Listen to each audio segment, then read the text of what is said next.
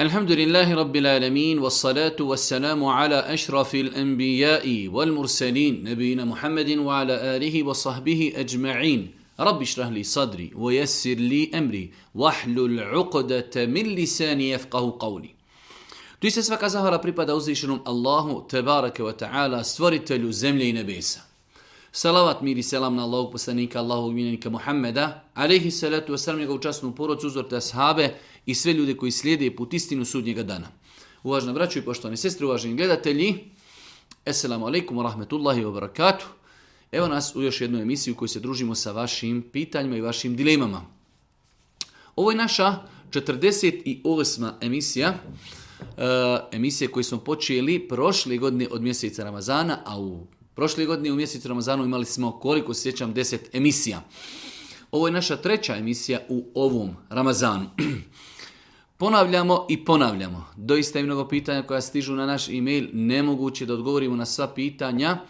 Neka se ne ljute oni kojima ne stignemo odgovoriti na njihova pitanja. Neka pitanja su i teška. Nemamo toliko znanja da možemo odgovoriti na sva pitanja, s druge strane količinski nemoguće je stići odgovoriti na sva pitanja.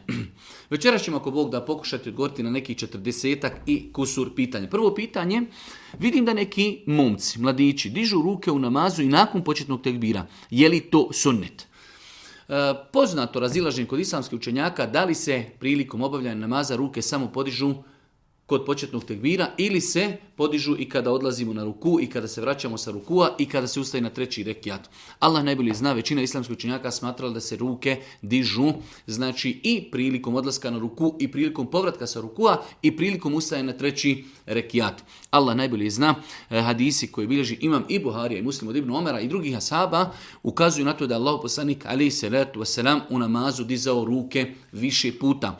Svakako, samo dizanje ruku je samo sunnet, pohvalna stvar, tako da to nikako ne smije biti razlogom, ne daj Bože, netrepeljivosti ili svađi među muslimanima. Onaj ko ne diže ruke, on u svemu tome je mokalic slijedi hanefijski mezheb, koji doista jeste stava da se ruke samo podižu, e, prilikom početnog tekvira, a isto tako onaj ko diži ruke ne treba da smeta onome ko ne diži i onaj ko ne diži ne treba da smeta onome ko diži. U svakom slučaju to su pitanja podležna u različitim pogledima moramo se uvažavati, respektovati jer jednostavno umet već 1200 godina u tim pitanjima ima različite stave. Lično sam stava, lično sam stava da se ruke, da se ruke dižu. Znači prilikom početnog tekbira, prilikom odlaska na ruku, prilikom povratka sa rukua i kada ustajemo, znači sa etehijatu na treći rekiat, također se ruke tada podižu. E, drugo pitanje, postoji li razlika u namazu muškarca i ženi?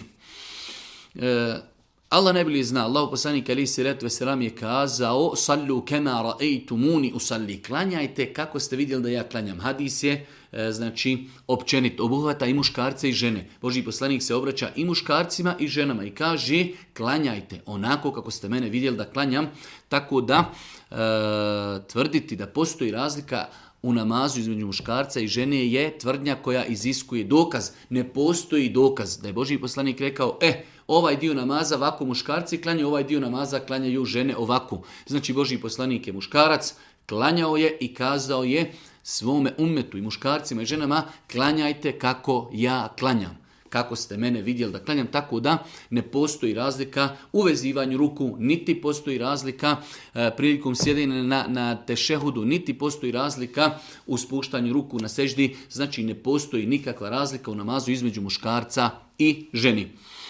Ako imam namjeru da ustanem na sehur i ne ustanem, da li je moj post validan? Da, Znači sama činjenica da insan e, želi da ustane na sehur, uzeo je sat ili e, mobitel, naštimao je alarm da ustane u četiri i kusur minuta i prespavao je. Nije čuo da li je sutra njegov post validan? Da. Zato sama činjenica da je želio da ustane na sehur, zašto želi da ustane sehur? Želi da zaposti. Tako da e, to je ako Bog da već dovoljan nijet i namjera da bi naš post bio ispravan i validan. Znači osobe koje naveći donesu namjeru da će sutra postiti, ali isto tako žele da ustane ustanu na sehur, pa ne ustanu, njihov post je uz Allahu s.w.t. pomoć validan i ispravan.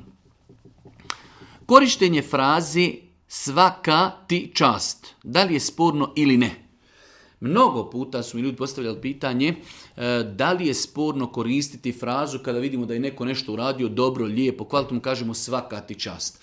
Allah najbolje zna, ne vidim ništa sporno u tome. Znači ne postoji e, razlog zašto bi kazali da ta rečenica ili ta fraza nije ispravna. Ako kažemo čovjeku svaka ti čast, jednostavno u žargonu našeg jezika, bravo, dobro si uradio, potpuno, ekstra i tako dalje. Tako da e, ne vidim uopće razlog e, zašto bi čovjek smatrao ovu frazu zabranjenom. Tako da kazati nekom svaka ti čast nema nikakve veze sa gospodarom, niti ima veze sa veličanstvenošću i uzvišenostju našeg gospodara Allah subhanahu tako da kazati čovjeku svaka ti čast, znači po meni uopće, uopće nije sporno. Moj tetak je doživio nesreću na radilištu i tako dalje, ostaće za krevet vezan šest mjeseci, može li čovjek dati svome tetku e, zekjat? E, kada je u pitanju zekjat, to što je neko nama tetak, zbog toga možemo. Znači, rekli smo da se zekijat samo ne može davati uzlaznoj i silaznoj lozi. E, znači, imamo tetka koji je, znači, čovjek je e, imao nesreću, nastradao je, da li mu možemo dati zekijat? s aspekta veze naše prema njemu možemo. E sada se gleda u njegovo stanje i hal. Ako je čovjek siroma, ako je čovjek potreban, tada ćemo mu dati. Znači imamo prvi učinjencu to što je tetak, možemo mu dati. Druga strana, da li je on potreban? Jer znači Kur'an nam kaže innema sadaqatu lil i wal mesakin i tako dalje. Zekijat pripada bijedi, sirotinji i tako dalje. A pa gledamo u njegovo stanje, to što je on tetak ili nije, može biti tetak, a može biti bogat, može biti da ima nesreću, ali da ima ušteđevini na banci 20, 30, 50 hiljada i tako dalje. Tako da gledamo u njegovo stanje. To što je on trenutno bolestan, to što je trenutno nastradao, ne čini ga da je dozvoljno njemu davati sadaku i davati njemu zekijat, znači e, obavezni zekijat, osim ako potpada po te osim ako potpada po te kategorije. Nadam se inšal da smo razumjeli. Znam da je kamata zabranjena u islamu, ali me zanima da li je zabranjeno kupovati neke stvari na rate. Pa u zagradi kupovna mobtela na 48 mjeseci. E, kamata u islamu zabranjena. Kupovina u islamu, kupovina na rate je dozvoljena. Makar cijena bila i povećana. Velik broj ljudi to ne razumije, ali Bože moj, tu smo da pojašnjavam. Pa znači, kada bi kazali ovaj mobitel košta za keš 100 maraka, ali ako mi nećeš isplatiti odmah, ako ćeš plaćati na rate, on je 200 maraka, četiri rate po 50. Nema ništa u tome sporno. E sada, imamo dodatni faktore. Znači moramo zapamtiti veliko pravilo, kupovina kamata zabranjeno. Kupovina na rate, makar cijena bila i povećana i dozvoljena. Ali sada dolazi, imamo leasing, imamo e, kupovinu telefona preko telekoma i tako dalje. Sada gledamo ima li išta u tom kupoprodajnom ugovoru sporno. Znači sam način kupovine, da mi kupimo auto e, čija vrijednost je u kešu 10.000 eura, ali čovjek kaže ako je na rate, onda je 12.000. Generalno kao taj postupak je ispravan, ali kako ćemo mi to postići da li je ispravno? Koliko znam da u većini slučajeva kada je u pitanju kupovina eh, mobitela na rate, kada je u pitanju otplata ili šta ja znam uzimanje od telekoma, da tu imaju klauzule E, da se čovjek obavezuje ako ne isplati, e, ne isplati ratu, da samim tim e, će biti prinuđen da mu naplati zatezne kamate. To je već jedan sporan moment u kupoprodajnom ugovoru. Rekli smo, znači, sama kupovina na rate u islamu je dozvoljena. Povećati cijenu artikla samo zbog toga što je na rate je dozvoljeno. Ali način implementiranja moramo paziti kako ćemo uraditi. Ako kupujemo mi od nekog čovjeka pojedinca, čovjek kaže evo ti mobitel za 100 maraka ako je u kešu, a 200 ako je na rate. To je regularno. Ali ako imamo ugovore, pa u ugovoru imaju određene tačke, moramo paziti. Isto tako kupovina auta. Da čovjek kupi od pojedinca auto i kaže auto je 10.000 eura u kešu, 12 je na rate. Evo ti pare, evo ti rata, mirna Bosna. Ali ako se to implementira preko banki, ako se to implementira preko telekoma, pa imamo klauzule, to su već pitanja koja iziskuju dodatni odgovore. Vađenje zuba u toku posta, da li kvari post? Generalno, gledajući, vađenje zuba u toku posta bolje odgađati zaposli iftara. Ako je čovjek u situaciji da ide e, privatno kod liječnika, stomatologa, bolje da e, znači vadi zube nakon iftara. Ali ako bi bio prinuđen čovjek da izvadi zub, inšala bi to ne kvari post, svakako čovjek treba maksimalno da se potrudi, može dobiti anesteziju, nema ništa u tome sporno, treba se truti maksimalno da ništa ne proguta. Veoma teško, sigurno, ali treba se truti da čovjek znači ništa ne proguta kada je u pitanju krv ili ona sukrvica i slično tome. Da li se poslije mokrenja dovoljno obrisati toalet papirom ili se mora oprati vodom da bi bili čisti za namaz?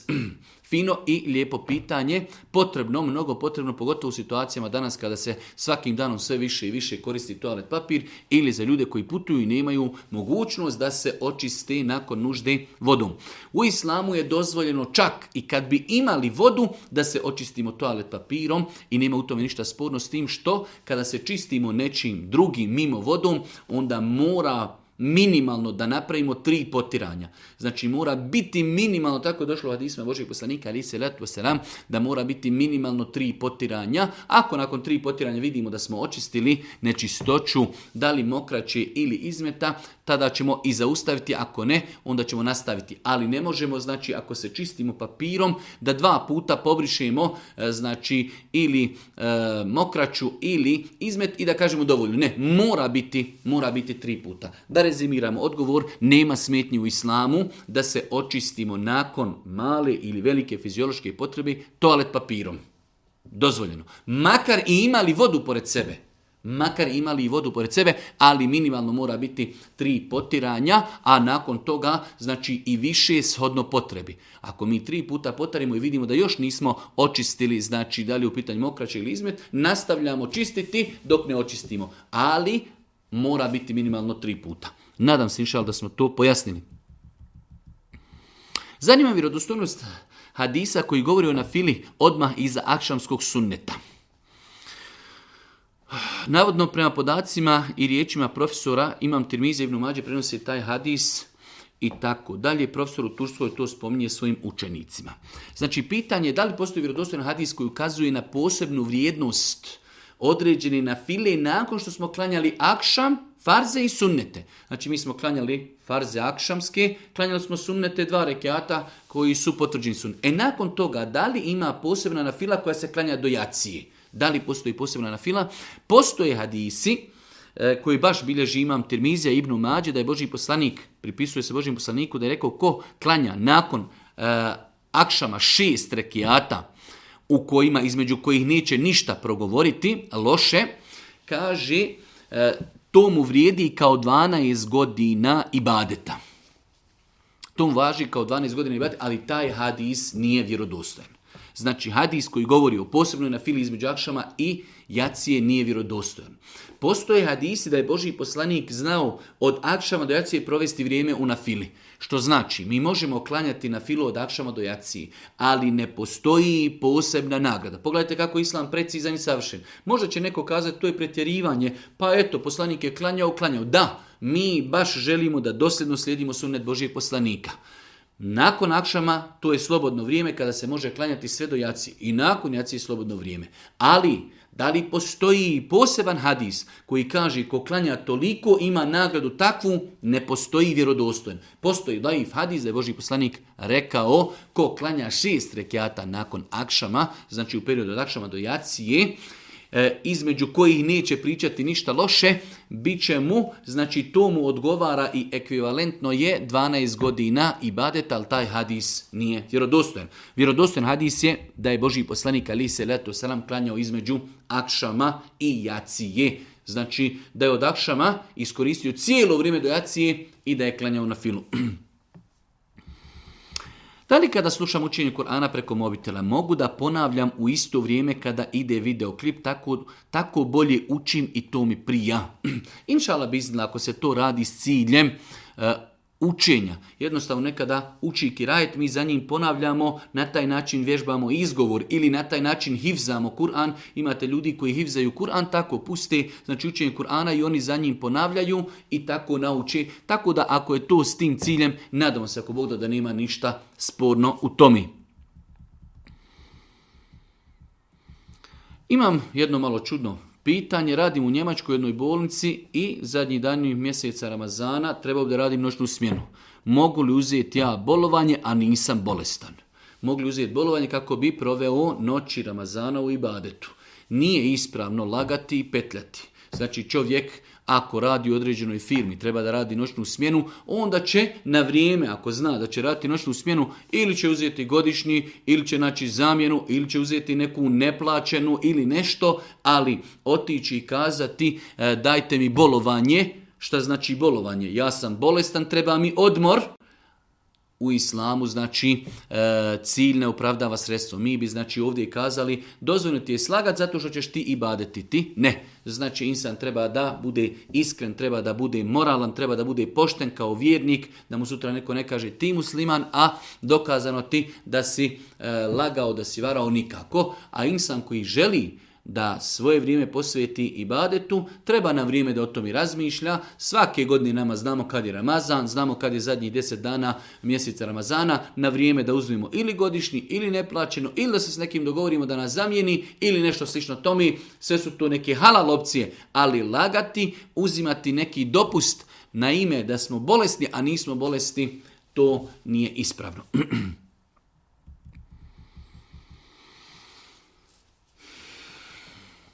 Naime, počeli smo bez švaka klanjati i supruga i mi od januara.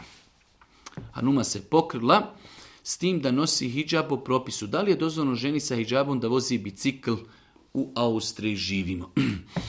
u svakom slučaju, generalno gledajući, za vrijeme ashaba Božije poslanika, ali se letu sam za vrijeme Božije poslanika, žene su jahale deve žene su jale deve, analogno tome i danas žena može koristiti te neke, e, da kažemo, savremene načine prijevoza i, i hajde da kažemo, eto, slično tome, ali u svakom slučaju treba se tu paziti na nekoliko stvari, da li je običaj jednog naroda, da li će čovjek time iskakati iz, iz običaja jednog naroda, da li u narodu žene vozi bicikl, pod jedan, pod dva, žena treba da prilikom voženja bicikla da bude šerijetski ispravno, da bude šerijetski ispravno obučena.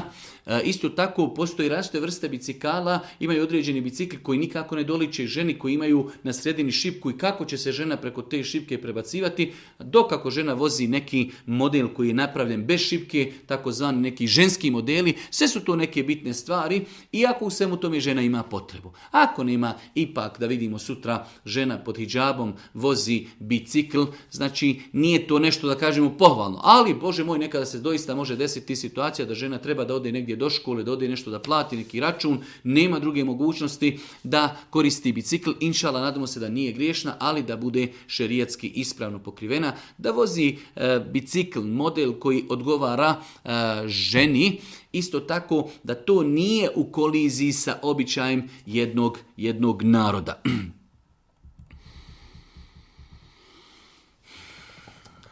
Što se tiče mene. Dok sam na poslu imam mogućnost u trajanju pauze koja je podijeljena u dva dijela sa 30 i 15 minuta dobavljam namaze. S tim da imam teške radne cipele i nezgodno mi je i neugodno da pred Austraj, a, Austrijancima perim noge u ovaj i tako dalje. Gdje je rješenje? Rješenje je za ljude koji rade, da li na baušteli ili bilo gdje drugo u banci ili rade u pošti ili rade u školi, teško im je na poslu prati noge, da kad krenu od kuće, abdeste, i obuku čarape.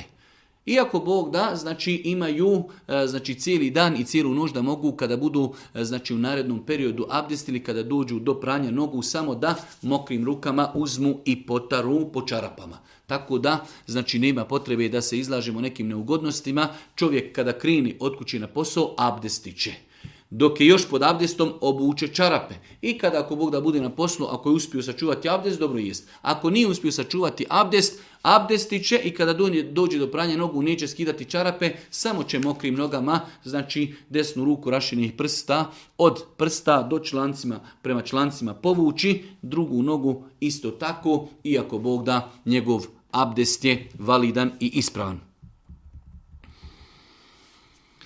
E, moja supruga ima vaginalne infekcije i mora koristiti tablete koje se stavljaju u rodnicu.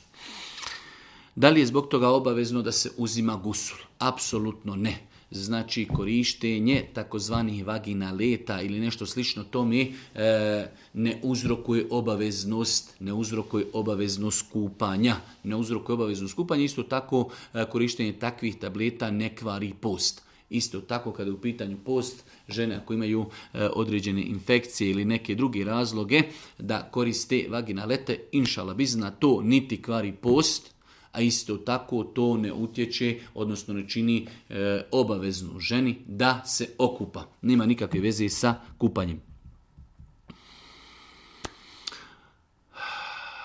Voljela bih da mi objasnite kako se klanja vitr namaz. Znam da se klanja neparan broj rekiata, posebno interesuje da objasnite posljednji rekiat. Isto tako pojašnjenje kako se klanja noćni namaz. E, evo, sada smo u zadnjih deset dana, mjeseca Ramazana, mnogo puta ljudi pitaju kako se klanjaju noćni file.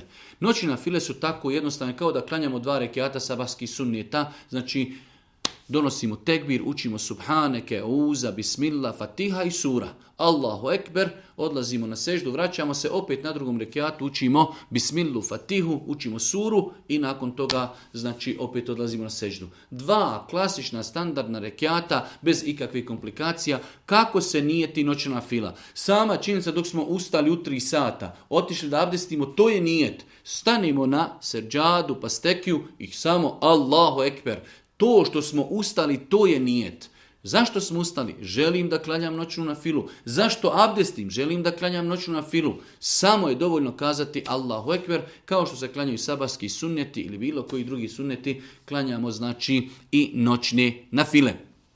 Kada je u pitanju vitr namaz, znači posljednji rekiat kako se klanja. Evo ako klanjamo tri rekiata, rekli smo klanjamo dva rekiata kao što smo klanjali i sabarske sunnete predajemo selam, ustajemo na treći rekiat. Ustali smo na treći rekiat, Allahu Ekber. Znači počinjemo iz početka. Euza, Bismillah, Fatiha, učimo nakon Fatihe opet, ako učimo e, neku kraću suru, Bismillu, pa suru.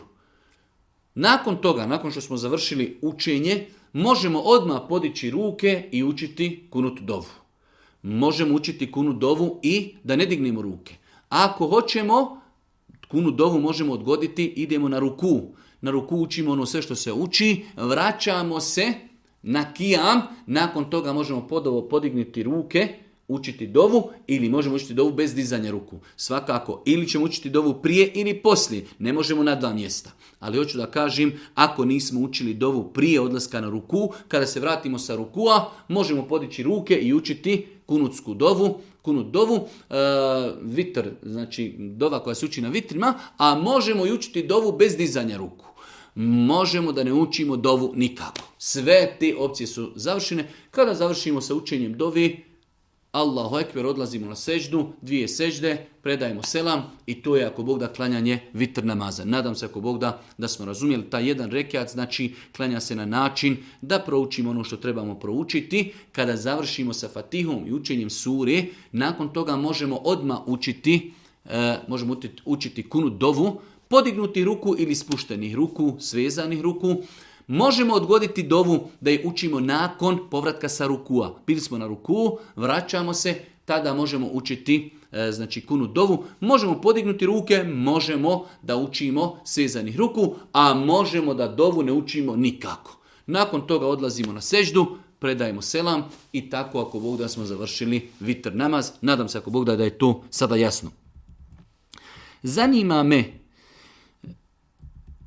da li je dozvoljeno ispirati usta i zube vodom za usta, poput listerina, tokom posta, uz strogu pažnju, naravno da se usta poslije fino ispiru obično vodom i da se ništa ne proguta. Nema nikakve smetnje, znači naša usta bukvalno prema islamu uzmeju propis kao da je to ruka možemo li mi na ruku staviti neku kremu i nakon toga to oprati. Isto tako usta, znači mi možemo usta isprati sa određenom tečnošću, nakon toga to ispljunuti, uzeti čiste vode i isprati nekoliko puta, ispljunuti kako tragovi toga ne bi došli do našeg znači e, grla, do našeg organizma i uz Allah pomoć e, to ne djeluje uopće na naš post. Znači nema smetnje da nekim vodama ili e, ako ima zatim potreba da se isperu samo usta, da se to ispljuni, nakon toga da uzmemo čiste vode nekoliko puta da to isperimo kako bi tragove te tečnosti isprali iz usta, ispljunimo, iako Bog da to nema nikakve veze sa našim postom. Već duže vrijeme želim da stavim cirkon na zub, pa me zanima da li je grijeh ili ne. Znači, pita nas jedna sestra, da li je dozvoljeno stavljati cirkone na zube. E, imamo tu dvije nejasnoće i zbog toga ja lično kažem da je bolje to ne raditi. Prva nejasnoća je e, stavljanje tih cirkona sigurno e, iziskuje da se dio znači zuba spriječi dolazak vode do zuba. To je jedan problem, iako taj problem velik dio učenjaka je smatrao da nije problem. Ali imamo drugi dio da je to vid ukrasa. Može li žena ukrasi Znamo svi da je naređeno ženama da prilikom izlaska iz kuće e, prekriju ili uklonu, e, da sklonu svoje te ukrase, konverzacija sa muškarcima, viđenje toga i tako dalje. Da li žena, da li žena može biti na polju e, komunikacija sa muškarcima da joj ne vidi te cirkone. Tako da iz ova dva razloga to se u islamu smatra ukras. A se žena ne treba pokazivati ljudima strancima. Kad kažem ljudima strancima, oni ljudi, muškarci s kojima može stupiti u brak. To mogu da joj vide njeni i njen otac, njen brat, njen sin i tako dalje. Ali nije to nešto što možemo skini stavi, već je to fiksno i kada izlazimo napolje, žena kada razgovara, ljudi vide na njenim zubima cirkone, tako da ja to ne preporučujem. Neću kazati da je haram, ali ne preporučujem da to radi žene muslimanke koji se boje Allah te barkvetala i pazi na sebi na svoje ponašanje.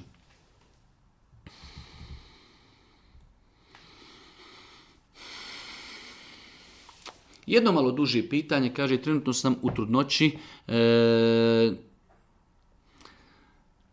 Nalazim se u devetom mjesecu, namazu mi je problem, nije mi problem ni kijam ni ruku, ali je problem na seždi. Znači imamo naše sestre koje su trudne, u devetom mjesecu ne mogu, određen broj sestara naših ne mogu da urade seđdu. Šta će u takvoj situaciji da radi? U takvoj situaciji će žene da znači sve klanjaju normalno, nakon toga će ili sjesti na zemlju, pa će znači seždu činiti, pogijeći se shodno koliko mognu od stomaka, pogijeći se koliko mogu i izgovarat će, znači ruk, e, izgovarat će zikrove koji se govori na seždi, vratit će se, opet će se pogijet koliko mogu i to je to. Ili eventualno isto tako ako sjedi na stolici, znači pogijeći se naprijed koliko mogu i izgovarat zikrove seždi. Znači žena koja koja ne može, može klanjati sve ostalo, samo ne može ići na seđdu zbog stomaka, onda kažemo obavezuje je sve ostalo da klanja normalno. Započinama nama stojeći, odlazi na ruku, vraća se na ruku, kada se e,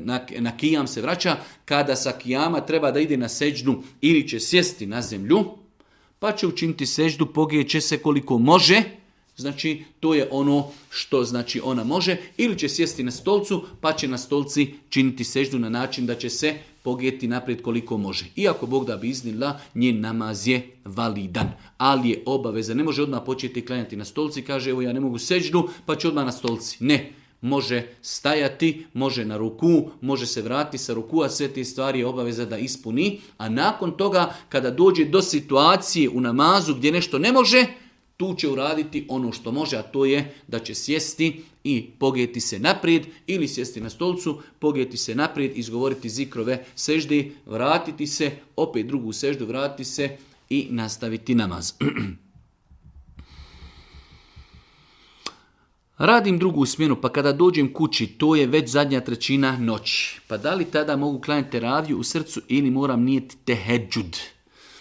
U svakom slučaju ovdje kao da je pitanje da li u zadnjoj trećini noći klanjamo teraviju ili noćni namaz, takozvani teheđu. U svakom slučaju više je pitanje jezičke forme, znači da li noćni namaz koji klanjamo u zadnjoj trećini noći se zove kijamu e, ili teheđud ili teravija, mislim da ne treba se toliko tome obraćati pažnja. Mi smo došli s posla, abdestimo i klanjamo noćni namaz. Da li ćemo ga zvati teravija, da li ćemo ga zvati teheđud, da li ćemo ga zvati qiyam, e, qiyamu lejl, bez obzira kako ga zovemo, to je naša nafila koju mi klanjamo u zadnjoj trećini noći, a zovimo je kako god hoćemo. Iako islamski učenjaci su kazali da postoji raska teravija je ono što se klanja odmah nakon jacije, po terminologiji, znači teravija je ono što se klanja odmah nakon jacije, a teheđud je nešto što se klanja u zadnjoj trećini noći, pogotovo ako je čovjek odspavao, pa ustao nakon spavanja namaz koji se klanja, nakon spavanja zove se teheđud. Ali to su samo, hajde da kažemo, jezičke finese. Čovjek je radio drugu smjenu, došao kući, nastupila zadnja trećina, nastupila zadnja trećina večeri, abdesti, Allahu ekver, počinje klanjati. Je li to teravija, je li to teheđud, je li to qiyam, je li to noći namaz, kako god da se zove, nama je bitna suština, suština je da klanjamo noćni namaz. Tako da ne treba se ako Bog da time umarati. Često ste pojasnili pitanje vezano za sklapanje braka sa rodbinom. Razumjela sam, dozvoljeno nam je, ali ako se roditelj ljuka protive tome da nam prijeti čak prolevanjem krvi. Vidite, e, u našem narodu postoji jedno pogrešno ubjeđenje da se ne smije sa rodbinom nikako stupati u brak. I oni koji prate naša pitanja odgovora vide da mi s vremena na vrijeme namjerno, ciljano spominjemo takve odgovore kako bi se lagano ta pogrešna ubjeđenja istiskivala iz našeg naroda. Ali, nažalost, i kako je to e, žestoko ukorijenjeno kod nas, da ako se zna da je neko s nekim rodbina peto, šesto, sedmo koljeno, nema ništa od braka, što nije tačno.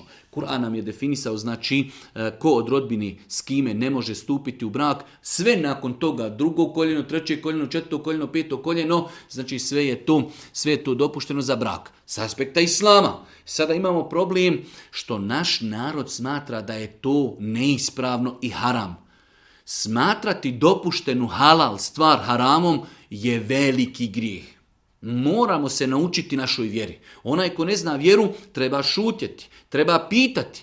Ali samo zato što je to naslijedio od svojih nekih predaka, neka to, što bi rekao naš narod, obični mač korib. Boži poslanik Ali se nam svoju čerku udao za Aliju, radi Allahu Taranu, koji je bio, znači, e, jedan od bližih rođaka njegovoj čerci Fatimi. Tako da, znači, nema smetnje u islamu imaju osobe koji su zabranjene i toga se moramo pridržavati. Nakon toga ta daljnja rodbina, drugo, treće i četvrto koljeno nema smetnje. E, sada dolazimo do ove situacije da kada to ljudi ne razumiju i žele da naprave veliki problem. Mi smo to uvijek govorili, e kako ćete vi to izvesti, to je drugo pitanje. Znači, s aspekta islama u redu dozvoljeno. Kako? Ne znam.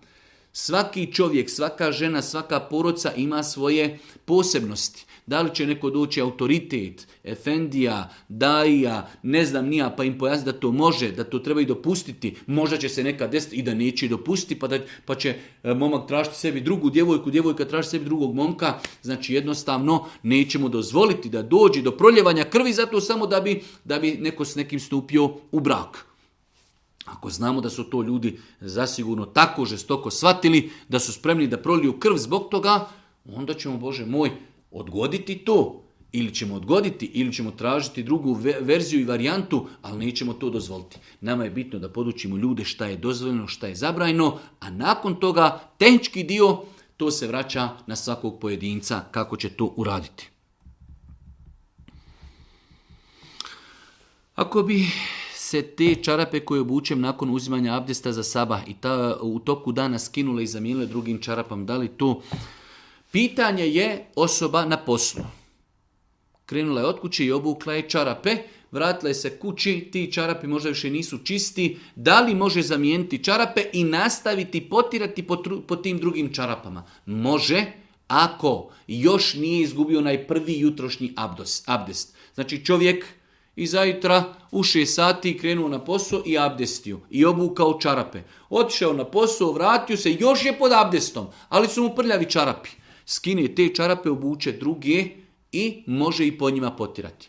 Sve dok je pod prvim abdestom čovjek ima priliku da skine čarape i obuče druge. Ako jednom izgubi abdest, gotovo. Znači svako skidanje, svako skidanje čarapa nakon prvog gubljenja abdesta više mi ne možemo potirati po tim drugim čarapama koje obučemo. Znači, možemo zamijeniti čarape ako smo još pod onim prvim abdestom sabahski, tako ćemo ga mi nazvati, sabahski, ako izgubimo abdest, nakon toga ako skinemo te svoje čarape i obučimo druge, nemamo više pravo potirati po tim čarapama. Nadam se, inšala, da je odgovor jasan.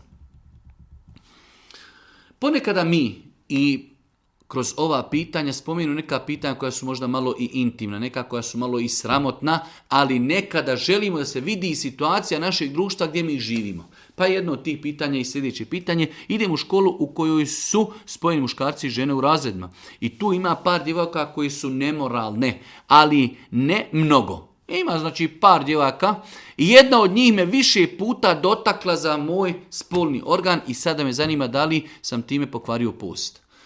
Pogledajte, prvo ćemo odgovoriti da takav postupak ne kvari post. Čovjek, dječak ide u školu, došla neka djevojka koja ne zna šta će od sebe i ona njega e, dotiči za spolni organ, kroz odjeću svakako, da li to kvari post? Ne kvari post. Ali pogledajte dokle smo mi došli.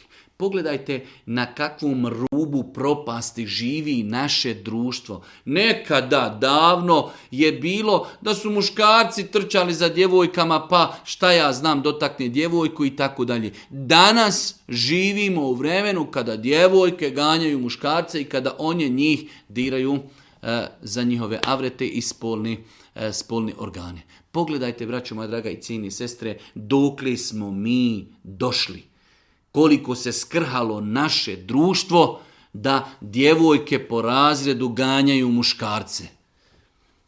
Da nam Allah subhanahu bude na pomoći. A čija su to djeca? Jesu li to djeca pala sa Marsa? To su naša djeca. Naša, naših komšija, naših sunarodnjaka i zamislite kada vi morate u takvu školu poslati svoje dijete kojeg vi odgajate 12-15 godina na halalu, na ovo je haram sine, ovo je halal, moraš klanjati, moraš nositi hijab i tako dalje. Podučavaš ga, odgajaš ga i dođe u razred gdje će njega djevojka ganjati, trčati da dotakne njegov spolni organ. Da nam uzvišeni Allah bude samo na pomoći.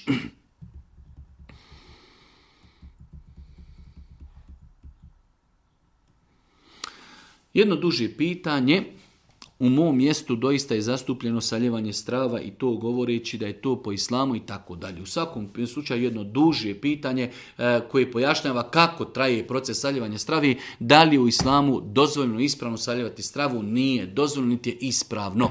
U islamu ne postoji način koji se zove saljevanje strave, izljevanje strave ili strahi, kako god da ga nazovemo, to je neispravan način liječenja. Nema svoju potvrdu i ima dosta stvari u tom načinu liječenja, shodno opet kako se izljevaju te strave, ima stvari koje su u koliziji sa islamom, zato znači u islamu imamo liječenje medicinom koja može pojasniti ovaj lijek se koristi za to i to ili se liječimo rukijom ili onim što nam je preporučio Boži poslanik od meda, od čorekuta, od zemzema i drugih stvari koje je preporučio Boži poslanik vjerodostojnim hadisima. U islamu se liječimo medicinski ili se riječimo vjerski, saljevanje stravi niti je medicinsko, niti je vjersko. Tako da čovjek vjernik treba da tu opciju izbaci iz svoga života.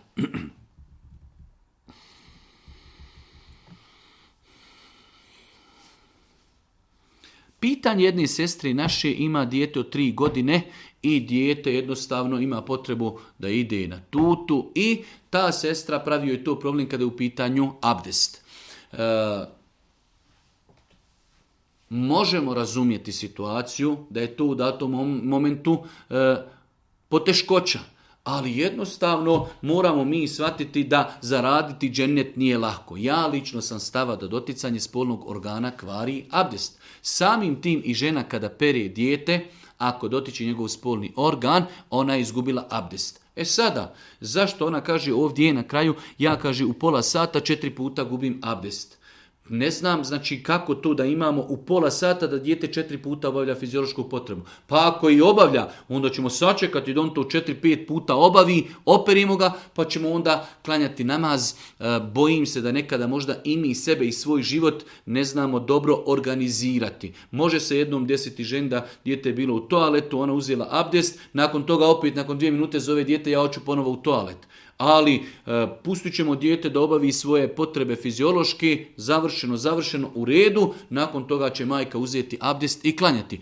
E, ako se Boga mi desi e, da nekada možda u sat vremena abdestimo jednom ili dva put, pa Bože moj, e, znači kao što nam se može desiti da čovjek izgubi abdest na neki drugi način, znači e, možda pustio je vjetar, nešto slično, pa je obnovio abdest, tako nam je isto, eto, dijete, ako Bog da godinu dana žena peri i nakon toga e, ili manje ili više, nakon toga kad naraste više ga ne peri i ako Bog da prevaziće taj problem, e, imamo stavu u islamu i da doticanje spolnog organa, pogotovo ako nije sa strašću, ne kvari abdest. Ja lično sam ovog stava, ako je neko slušao neko predavanje, nekog svog autoriteta, svog efendije, svoga šeha, da to ne kvari abdest i živi po tome, to je njegov stav i on će biti bitan po tom stavu. Ja sam lično ubjeđenja da to kvari ako prilikom znači e, e, pranja djeteta žena dotakne spolni organ, e, treba da promijeni abdest.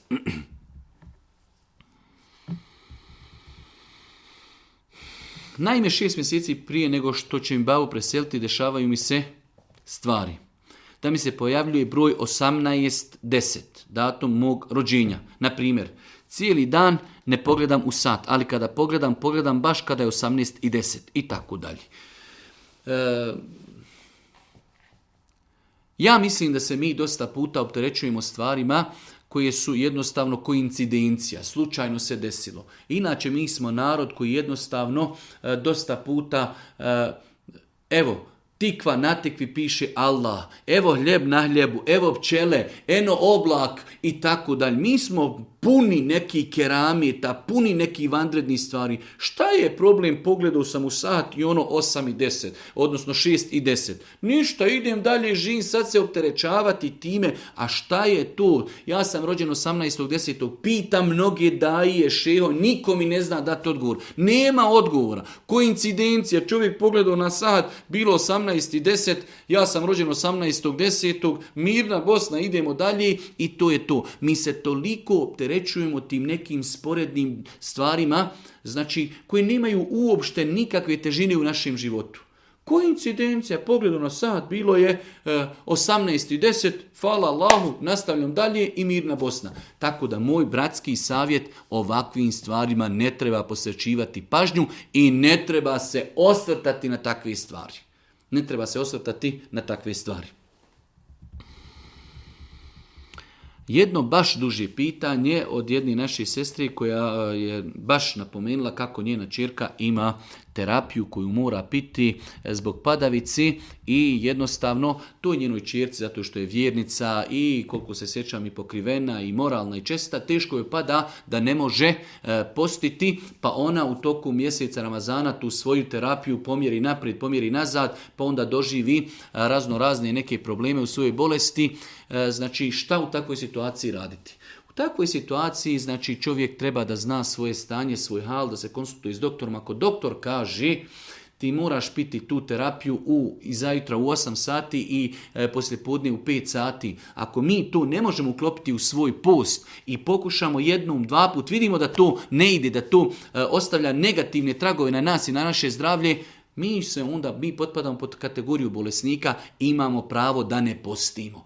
Insanu to nekada psihički teško pada, djevojka 25 ili 30 godina ne može da posti. Bože moj, ne može da posti, šta ćemo?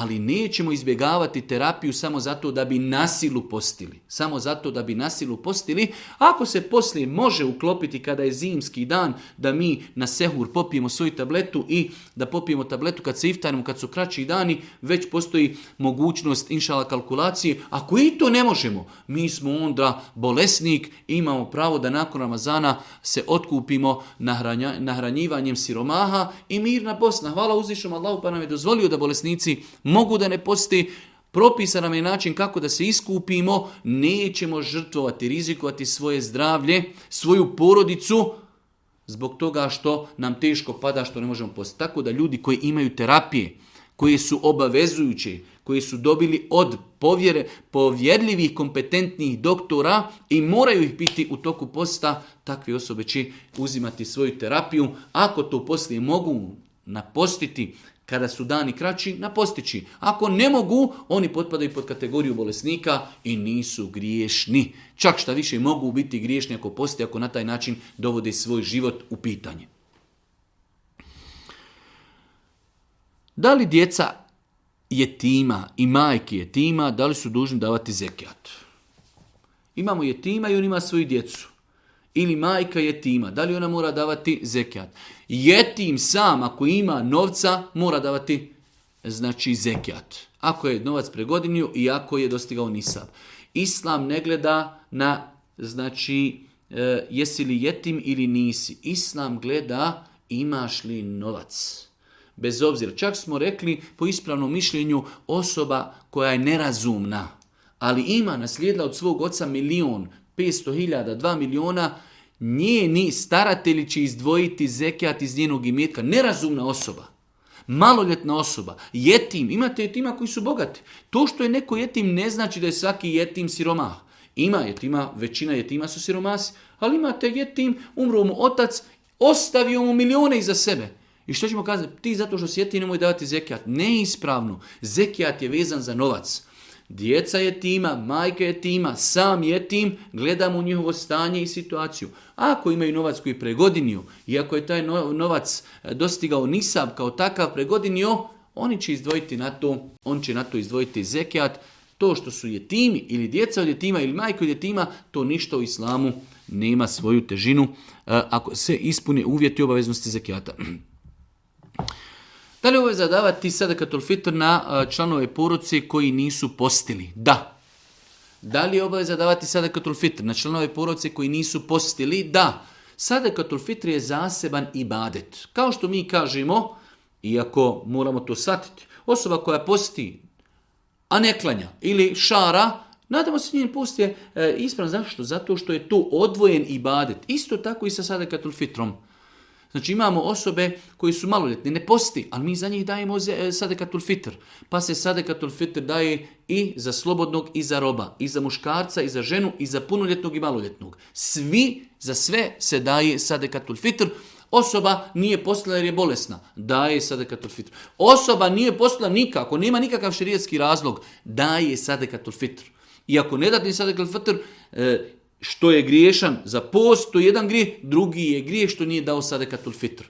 Tako da to su zasebni ibadet. Namaz je zaseban ibadet. Post je zaseban ibadet, sadekatul fitr je zaseban ibadet. Tako da, znači dajemo sadekatul fitr na sve osobe, postile, ne postile, stariji, mlađi, slobodni robovi, svi daju i svi su obavezni. Jedno malo duže pitanje, E, moramo skratiti. E, čovjek kaže ima ženu s kojom se po cijeli dan svađa, odnosno njegova se žena sa njim svađa, on na to ne odgovara, da li to utiče na validnost njenog posta? Ne utječi.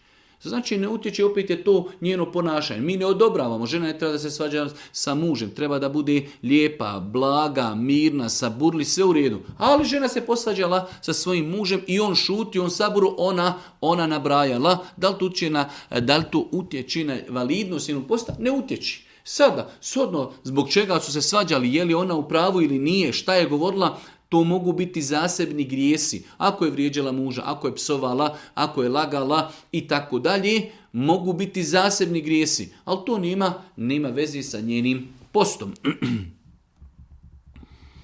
Naime, u mom džematu i mojoj džami već duži niz godina džamijski odbor koristi ezan sa CD-om koji poziva vjernike Da li je to E, neka vrsta griha. I da li je validno ponavljati za taj, nam, e, taj namaz u sebi i da li treba obavljati namaz u takvoj džamiji? Tri pitanja.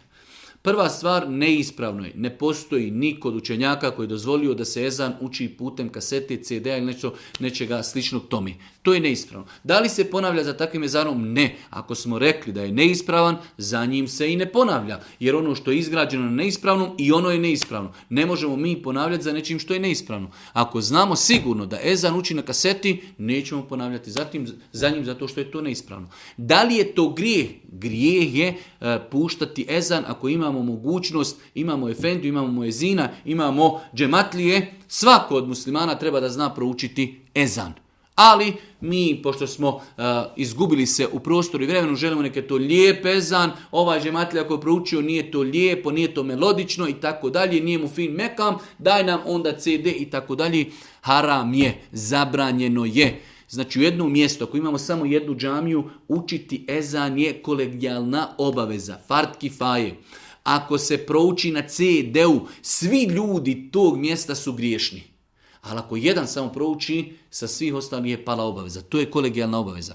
U jednom mjestu gdje se uči, ima samo jedna džamija i uči se ezan putem CD-a, svi ljudi za taj nama su griješni, što se nije proučio ezan kako treba. Zato treba reagirati, treba upozoravati na lijep način, razgovarati i kazati ljudi, daj da nazovemo muftiju, daj da nazovemo znači, e, e, uticajne osobe, da ih pitamo, to nije validno, to je neispravno, daj da se uči ezan, daj da se uči ezan direktno. Tako da Zbog toga da li izbjegavati namaz u takvoj džamiji? Ne. Ako čovjek ima neku drugu džamiju na istoj udaljenosti, može ići u drugu džamiju. Ali ako živi samo u mjestu gdje ima jedna džamija, to što se ezan uči e, na neispravan način nije razlogom da ne idemo u takvu džamiju, ali čovjek treba da na lijep način savjetuje da je to neispravno.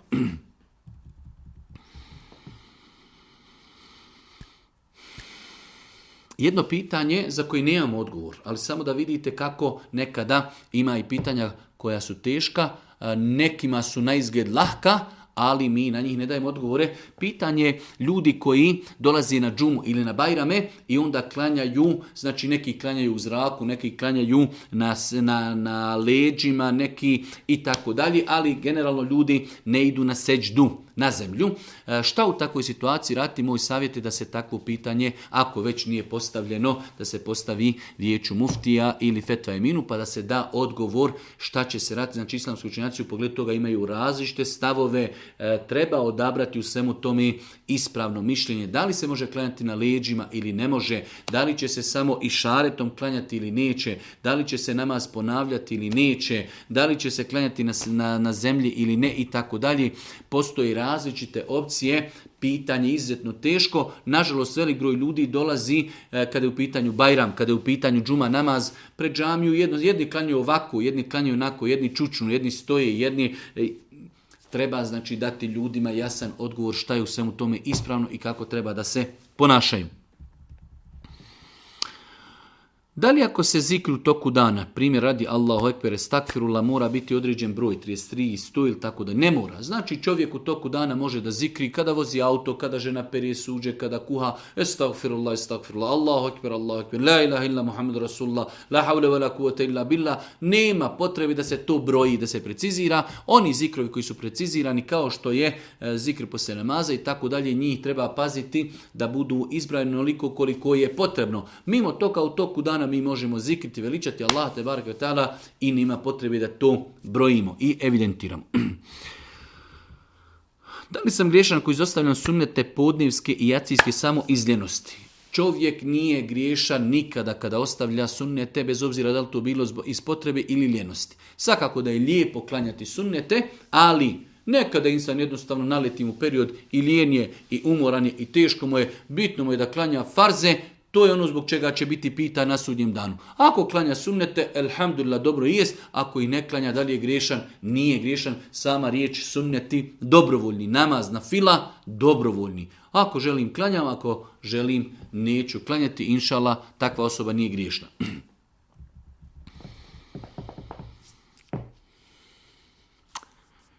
Koliko mogu dati sadekatul fitr? Koliko sam shodno mogućnosti ili nešto više od toga? Sade sadekatul je jasno preciziran. Boži poslanik Ali se letu selam preporučuje da se za svaku osobu dadne četiri, četiri pregršta, odnosno jedan sa. To je jedna mjera koja se može napuniti sa četiri pregršta.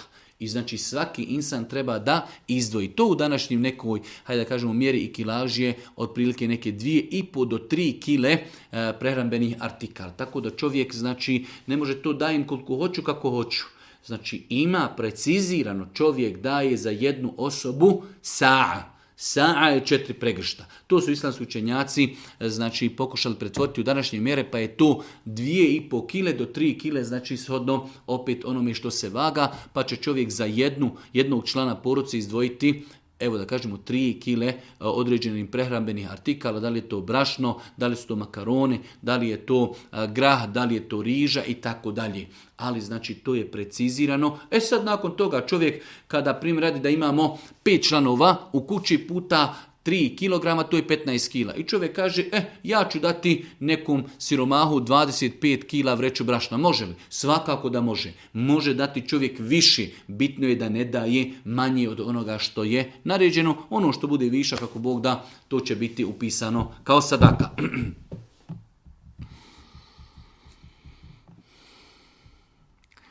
Jedno pitanje, moja majka ima velike zdravstvene probleme i tako dalje. E, neke dane je postila, nakon toga je pogoršalo se njeno stanje, ne može više postiti. Kako da nahrani siromahe?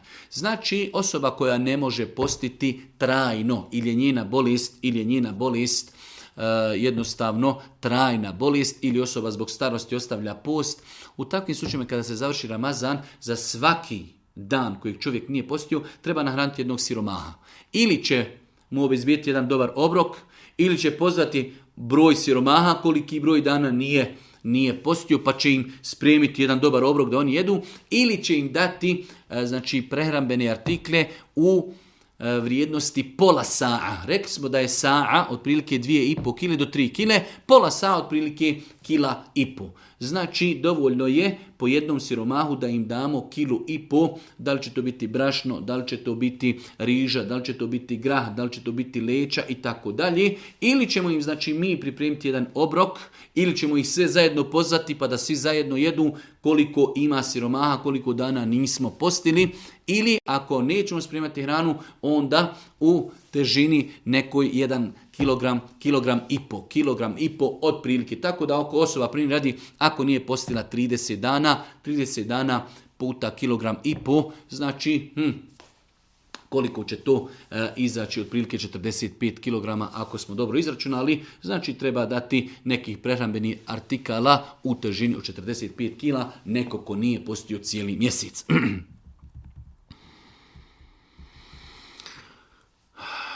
Čovjek je počinio grijeh, oralni odnos prije braka. Zanima me da li je to na stepenu bluda. Nije na stepenu bluda, nije na stepenu bluda, iako je to grijeh.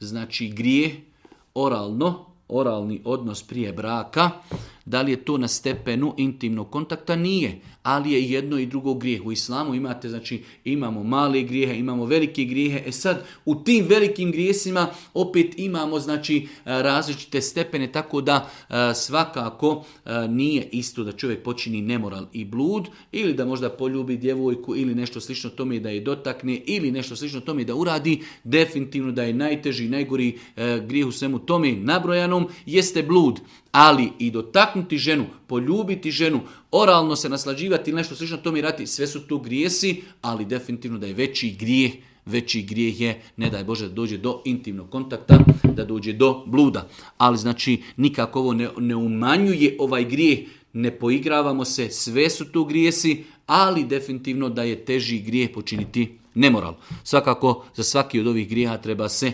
pokajati. Da li moram dati zekijat na novac koji štidimo ja i Hanuma da ako Bog da kupimo sebi stan i kuću? Rekli smo, e, ako ljudi šparaju novac, e, ako je taj novac dostigao nisab, granicu, to je otprilike ove godine 10.500 hiljada konvertibilnih maraka, iako je kao takav pregodinio, na kraju godine mi smo obavezni dati zekijat. U toku godine ili ćemo kupiti stan, kuću, dati ratu, ako je našim vlasništvu taj novac, svakako da moramo dati na njega zekat, bez obzira što ga mi šparamo da bi kupili sebi kuću. A insan treba da vjeruje, da bude čvrsto ubijeđen da će mu to uzvišeni Allah nadomjestiti, namiriti, podat će mu beričet u onom imetku koji je ostao, ako se insan pokori Allahu Đelšanu i izdvoji iz svog imetka ono što mu je naredio njegov gospodar. Da li moram dati zekijat na novac koji sam posudio ljudima? Ima više ljudi koji su u pitanju, neke već čekam pola godine i tako dalje. Kažu islamski učenjaci kad su u pitanju dugovi, imamo dvije vrste dugova i to je ako Bog da posljednje pitanje na koje ćemo večeras dati odgovor. E,